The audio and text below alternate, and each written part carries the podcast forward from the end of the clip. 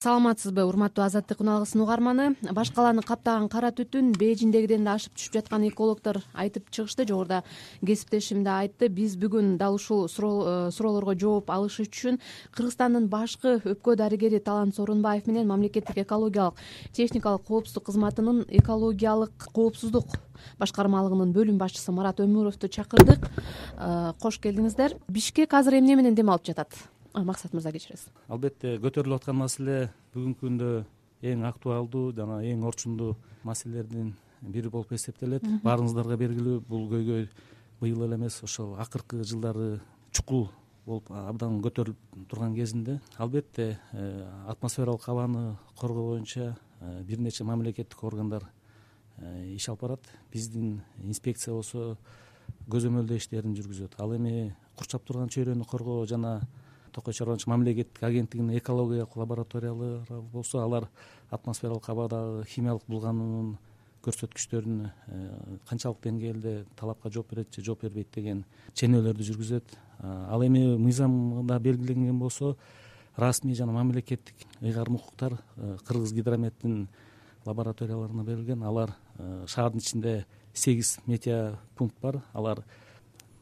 интенсивдүү түрдө ар дайым ошо автоматташтырган э, чоң станциялар бар. Алар э, бизге ошол маалыматтарды эгер өтө коркунучтуу адамдын өмүрүнө жана айлана чөйрөгө өтө коркунучтуу терс таасирлер болсо аларга ошол мамлекеттик жана баардык тийиштүү органдарды э, ошол жетиштүү жана тийиштүү маалымат менен камсыздоо боюнча ошондой ыйгарым укуктар азыр эми эл аралык эксперттер экологдор айтып атышпайбы өтө эле кооптуу кырдаал болуп жатат. Бейжиңдегиден дагы абдан буланган аба депчи. Бул эмне кооптуу эмеспи азыр сиздин пикириңизче негизи э, мыйзам чеги боюнча албетте туура жанакындай жарандык жанагы мамлекеттик эмес э, айрым уюмдар ошол өздөрүнүн гражданскк позициясын кармап ошондой ченөөлөрдү жүргүзүп атат. Бирок э, тийиштүү аккредитациядан өтүп сертификаттары бар болуп мамлекет тааныгандан кийин анан алардын результаттары бизге расмий деп таанылат да негизи. А бирок бул багытта ошо кыргыз гидромет айлана чөйрөнү коргоо боюнча агенттигинин лабораториялары иштеп ушул багытта иш жүрүп атат да. Бирок түгүл туура биз мына салыштырмалуу эле мына былтыркы эки миң он жетинчи жылкы менен мына быйылкы эки миң он сегизинчи жылдын сегиз тогуз айынын эле көрсөткүчү боюнча биз көрүлгөн чаралардын эле суммасы көрсөтүп турат. Мына биз төрт жүз сексен беш миң сом административдик айып салып өндүрдүк. Мына тогуз айдын бишкек шаары боюнча эле бишкек шаары боюнча эле. Мисалы үчүн аталган периодто эки миң он жетинчи жылы эки жүз жыйырма төрт миң э, айыптар салынып ар кандай ошо укук бузуучуларгачы атмосфералык абаны айып пулдун көлөмү канча максималдуу? Айып пулдун эң максималдуу көлөмү отуз миң сомго чейин. Э, а так негизи э, статьялар эки миң сомдон баштап анан унаа каражаттары миң сомдон башталат. Жанагы көрсөткүчтөрдөн жогорку деңгээлде Э, жана транспорттук бирдикти эксплуатация кылган үчүн алардын штрафтары миң сомдон өйдө башталат. Ал эми юридикалык субъектилерге жанакындай э, уруксаты жок же белгиленген көрсөткүчтөн жогорку деңгээлде э, зыяндуу заттарды абага ыргыткан болсо отуз миң сомго чейинки айып пулдар отуз миң сом адамдын бир адамдын саламаттыгы үчүн өтө эле аз акча болсо керек. Анткени бул э, биздин бишкекти каптап турган кара түтүн бир эле жөн эле аллергия эмес дагы башка толтура ооруларды козгосо керек талант мырза. Эми мындай да мен биринчиден айтып кетет элем. Мындай эч кандай текшерүүсү жок эле. Азыр биз айтсак болот э, бишкек шаарында коопсуз мындай өтө мындай кооптуу кооптуу мындай акыбал болуп турат. Аба таза эмес да. Ага текшерүүнүн деле кереги жок. Бирок эгерде текшерүүлөргө кайрылсак текшерүүлөр деле көргөзүп атат. Мындай адамдын ден соолугуна келтире турган жана зыяндуу заттардын деңгээли бир топ эсе нормадан ашык деген бүгүнкү күндө далил бар да. Ошон үчүн мен биринчиден кайрылып кетет элем. Мына биздин коллегага кесиптешкечи. Ошо иштеген мекемеге жана бизде экологиялык э, инспекциясы деп коет. Өзүмдүн бир немемди айтат элем да бир э, сунушумду суранычымды. Ушундай тереңирээк анан жакшыраак иштесеби депчи. Анткени э, ушул биздин экология расмий экология инспекциясы тараптан ушул абанын таза болушуна мындай каралган ушундай бир иш аракетти көрбөйбүз дагы укпайбыз дагы анан жанагы машина жөнүндө сөз болуп атпайбы айып салынат депчи. Ал жумуш деле эч кандай аткарылбайт. Э, бишкекти каптаган машиналардын көбү мисалы айдалбаш керек. Эгерде ошол эле жанагы мыйзамга такасак бирок анын баардыгы айдалып жүрөт анткени ошолорду текшерип абаны таза кармай турган ошол биздин жанагы тармактуу э, службалар өзүнүн жумушун аткарышпайт. Бул деген баягы жоопкерчиликтин төмөндүгү жоктугу деп мен өзүм баягы байкоом э, айта алам да. Анткени баардыгыбыз түшүнүшүбүз керек да. Ар кимибиз өзүбүздүн иштеген жерибизде так анан мындай жоопкерчилик менен иштешибиз керек. Өзүбүздүн баягы иш тартибибизди билишибиз керек да. Антпесек мисалы абанын бузулушунан азыр бизде кыргызстанда ооруган адамдардын саны көбөйүп баратат. Кандай оорулар пайда болду мисалы мындай да мисалы бир он жыл мурда кыргызстанда өтө мындай аз кездешет деген оорулар оор оорулар. Азыр көбөйүп азыр мындай күнүмдүк баягы биздин иш тартипте мындай күнүмдүк көрүнүш болуп калды да өпкөсү ошол жанагындай жаман заттарды дем алгандын себебинен ар кандай мындай коркунучтуу өзгөрүүлөр болуп анан баягы өпкөсүн эт басып өпкөнү дем алдырбай турган анан ошентип көпчүлүк адамдар азыр оор акыбалга туш келип анан эң эң мындай жаман жагы ушул ооруларды дарылай турган дарылар да жок да. Азыр мен мындай өзүм адис катары айткым келет да мындай кайрылыпчы. Кудай сактасын бирок эгерде биз азыр ушул абаны таза кылыш үчүн бир аракет чара колдонбосок ошондой оорулардын саны көбөйүп баратат. Ошон үчүн сөзсүз түрдө жалпы баардыгыбыз ушул жерден э, максат мырза сизге бир суроо пайда болуп атат да. Мисалы талант мырза айтып атат эч кандай иш аткарбайт деген дооматтарды коюп жатат.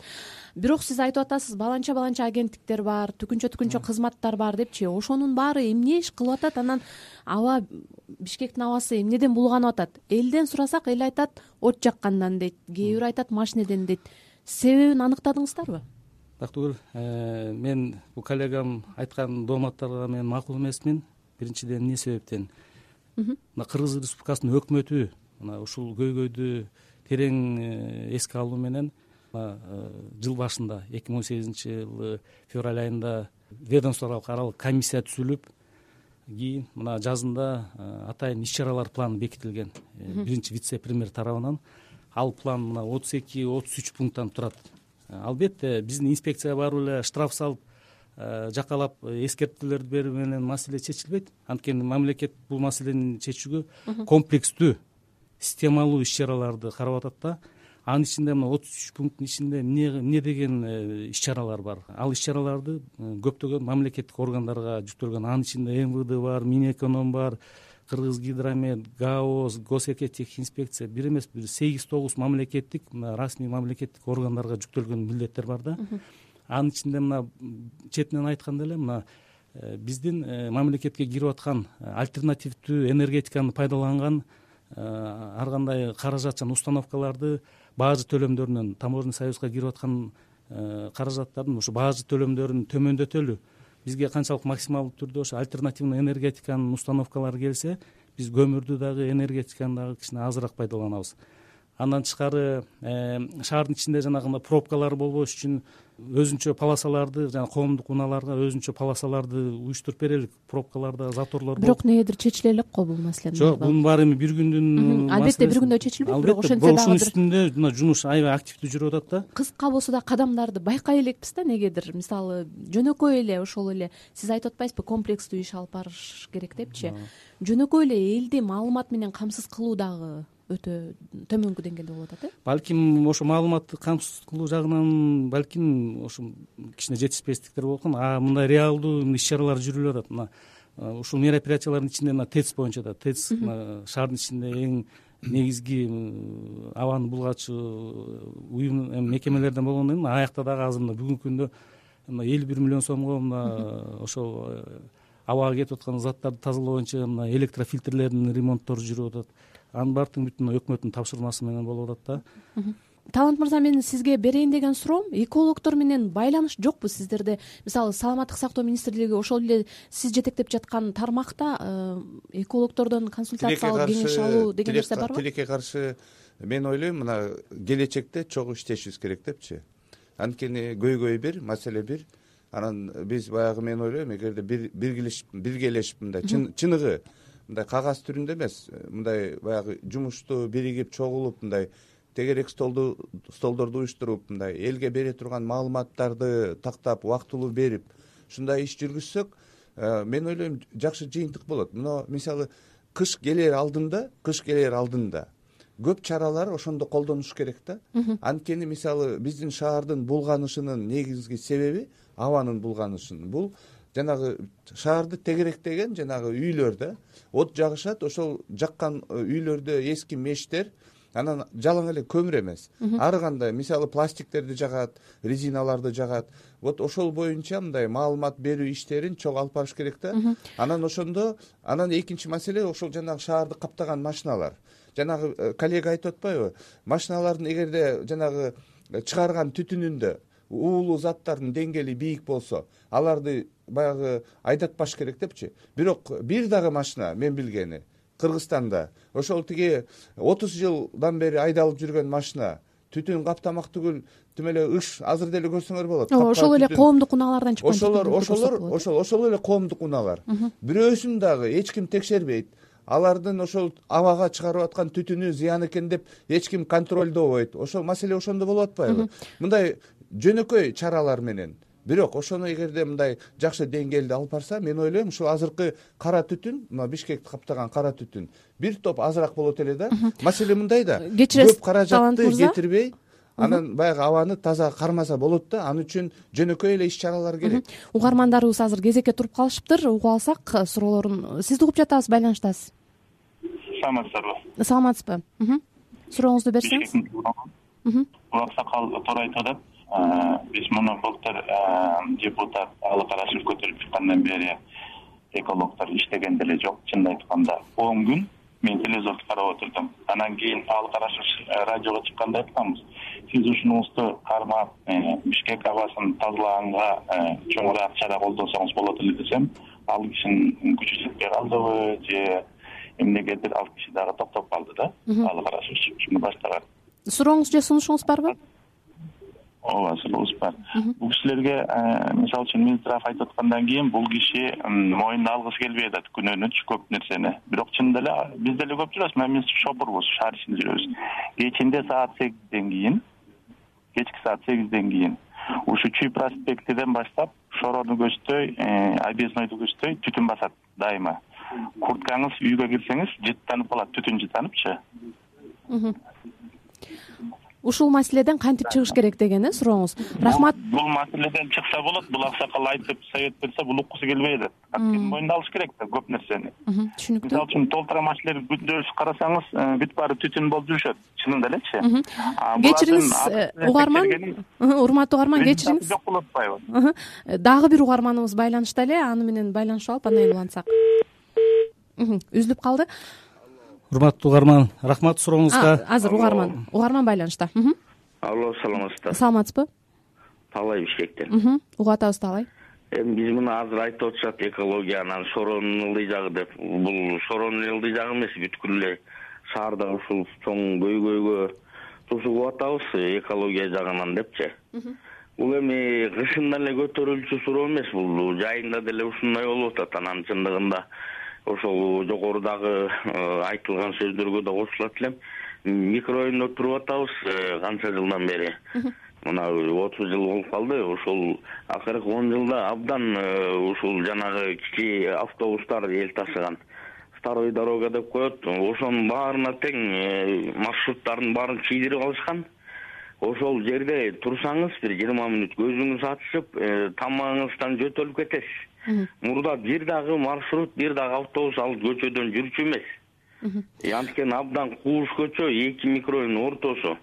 Анан бүт чоң жанагы жаңы южный магистраль деген менен жүрчү да ошол көйгөйдөрдү чечип кайра ошол жака алып чыгып абасы таза ар жакта кенен шамал дагы айдап турат эле да. Рахмат. Анан микрорайондо деле экология өлдү бишкекти рахмат. Чоң рахмат угарман иштеген жок урматтуу радио угармандар рахмат сурооңуздарга ошол э, сиздердин жарандык позицияңыздарга ошол атмосфералык абаны жана экологияны коргоо ошол эң актуалдуу экенин кыска жооп берип коесузбу сиздердин суроолордон деле биз баамдап турсак болот.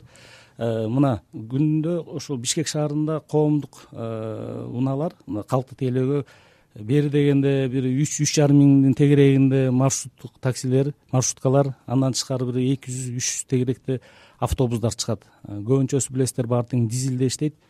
Анан албетте булардын тийгизген таасири да өтө зор. Атмосфералык абага ошол себептен мына акыркы эки жылдан бери мына мэрияга ушундай милдеттер жүктөлдү эле ошол автопаркты жаңыртып жаңыртып дагы анын ичинде мына азыр газпром дагы мына кечээ жакында бүт э, концепциясы менен кирип атат. Бүт ошо коомдук жана калкты тейлеген унаалардын баарын тең газ түрүндө газды топливо катарында пайдалана турган кылып ошону тездетели деген ушундай иш чаралар болуп атат. Биз аларга дагы катышып атабыз да ошол жерде ылдамдатып тездетүү боюнча. Анан баары тең келип кичине каражатка такалып калып атат да ошол автопаркты жаңыртуу боюнча ошол тиги дизелди алып аппаратын алып кайра газомоторный Э, двигательдерди коюу анын баары эле ушу кичине каражатка гана такалып атат бирок ал үстүндө иш жүрүп атат да негизи анан ошол техникалык кароо маселесин да киргизүү керекпи? Кандай деп ойлойсуз талант мырза? Сөзсүз түрдө киргизиш керек.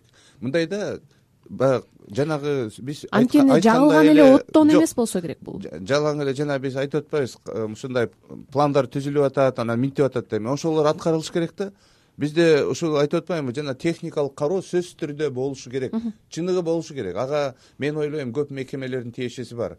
Анан эгерде ошол жанагы айдалып жүргөн э, машина ошого туура келбесе ал токтотулуш керек айдалбаш керек ал машина. Бирок эми мен билем бизде баягы кыргызстанда көпчүлүк эски машиналар эски унаалар. Бирок ошондой болсо дагы бир эми э, эми билесизби? Бирок биз дагы жарандар дагы ушуга туура мамиле жасашыбыз керек да.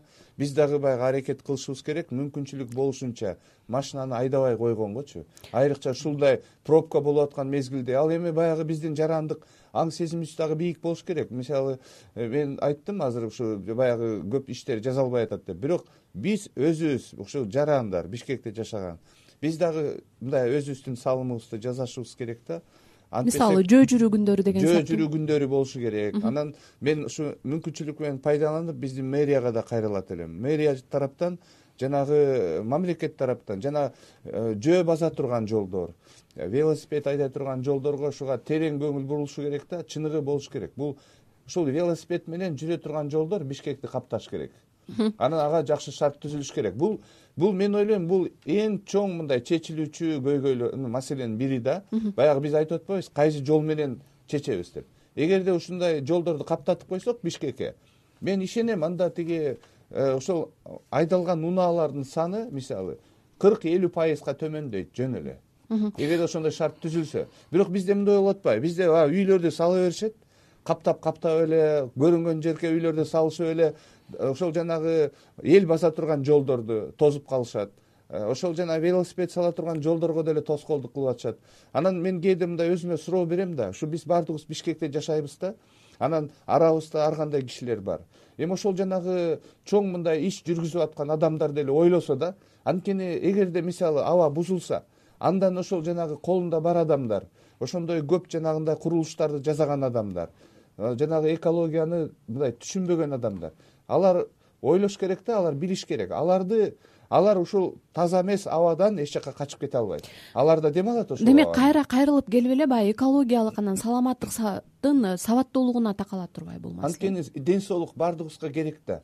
А ден соолукту ар ким ар бир адам ошого жооптуу болуш керек да. Анан өзүн мен дагы бир мүмкүнчүлүк менен пайдаланып айтып айтайын дедим эле биз э, мына э, акыркы эки үч жылда биз абдан маанилүү текшерүү жасадык да дүйнөлүк банк менен мындай чогуу. Анан ошондо биз мындай бир маалымат тактадык. Э, жалаң эле мындагы сырттагы абанын бузулушу ден соолукка зыян эмес. Үйдүн ичиндеги абанын бузулушу андан да катуураак зыян тийгизет да. Анан биз ошол айылдарда э, мындай маалымат алдык. Э, сексен пайыздан жогору үйлөрдө эски темир мештерди жакышат көң көмүр жагат анан үйдүн ичин түтүн абдан каптайт экен. Могу сырттагы абадан да жогорураак деңгээличи анан мындай маалымат да расмий маалымат. Эми мына өткөн жылы ланцет деген журналда мындай расмий ушундай бир неме болду да маалымат болду. Ошол абанын бузулушунан дүйнө жүзүндө өлгөн адамдардын саны жети миллиондон ашты депчи бир эле жылда. Тамеки чеккенге караганда эки эсе көбүрөөк депчи. Ошон үчүн жанагы үйдүн ичиндеги абаны сырттагы абаны таза кармашыбыз керек. Бул бул деген өтө орчундуу маселе. Кечиресиз дагы бир угарманыбыз байланышта экен. Угуп жатабыз сизди? Алло. Саламатсызбы? Угуп жатабыз. Тезирээк сурооңузду берсеңиз убактыбыз аз калды азыркы сөздү улантып кетейин деди элек да ошо жана сөзүбүздү бузуп койдуңуз бишкектин тургуну болобуз да. Мамлекет бул жерден бир гана жардам берген керек да? Менин оюмча да. Газды кичине арзаныраак кылыш керек. Баары көмүрдөн газга өтөт экинчиден мэрия жардам бериш керек жөө чөйрөгө анткени деген городской транспорт деген кечки саат сегизден кийин тогуздан кийин жүрбөй калат. Эгерде расписание болуп илгеркидей болуп эртең мененки алтыдан баштап жүрсө тегинен шаардын теңи машинелерин токтотот бул маселе экинчи вопрос. Үчүнчү вопрос жанагы э, экологдор жанталашып кичине анча мынча аракет кылып иштеш керек болду. Бул кишини угупчу бирок чындыгында экологдордун иши баягы бейөкмөт уюмдар менен эле чектелип жаткандай да сиздерде мындай бир маалыматтык да компаниялар жүрбөй жаткандай да кесиптештериңиз ал тургай баягы тармактык кесиптештериңиз дагы билбейт экен да эмне болуп эмне кылып жатканыңызды албетте эми э, тармактык кесиптештерин бул маселени талкуулоодо жана ушул иш чараларды активдүү разработкасында мына сиздердин департамент санэпидемнадзора мына баары тең эле саламаттык сактоо министрлигинин структуралары анан алардын ич чара канчалык деңгээлде байланышы бар экенин биз айта албайбыз. Бирок э, мына исаков э, байкебиз мына буюкранов артур байкелер ар дайым ушул атмосфералык жана смог маселелерин көтөргөндө ар бир жыйындарда ар бир кошундарда келип катышып өз пикирлерин айтып сунуштарын айтып келатат да анан жанагы бул радио программаны айтып атпайбы мына Э, газификация боюнчачы мына бишкекти мына кырк жети жыл массив курчап турат. Бери дегенде эле алтымыш жетимиш миң мына жеке турак жайлар баарыбыз тең эле мына э, жылуулук э, камсыздоо боюнча мына от жагып көмүрдү пайдаланабыз да. Ошол себептен мына бирден бир ошол выход катары ошол эртерээк газификация кылып анан жана баасы төмөнүрөөк болуп мамлекет кичине колдоо көрсөтсө элдер ошо газга көбүрөөк өтүп анан жанагы зыяндуу Э, таасирлерибизди азайтат элек да ошо акыркы суроо акыркы суроо. Кыска жооп берип койсоңуздар азыр бишкектин тургуну эмне кылышы керек ушул зыяндуу абадан өзүн коргош үчүн? Маска кийип жүрөлүбү эми мен ойлойм коркпош керек бишкектин тургундары эч коркпош керек. Кыска. Э, мындай кадимкидей эле күнүмдүк жашоо турмуш э, баягы өтө берет кудай сактасын.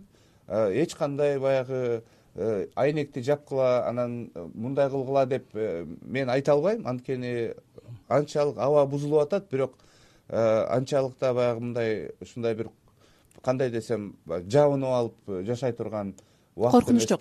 Максат мырза бир ооз сөз от жакканда ар кандай таштандуу түрлөрүн жакпасак ошо пластик синтетика дегенди азайтып. Чоң рахмат. Тилекке каршы биздин убактыбыз аягына чыгып калды. Бүгүн биз бишкектин абасын талкууладык. Талкууга кыргызстандын башкы э, өпкө дарыгери талант сооронбаев менен мамлекеттик экологиялык коопсуздук боюнча бөлүмдүн башчысы максат өмүров катышты. Талкууну бишкектен мен бактыгүл чыныбаева жүргүздүм. Биздин эфирден жаңырган макала баяндарды интернеттеги азаттык чекит орг сайтынан тапсаңыз болот. Саламатта туруңуз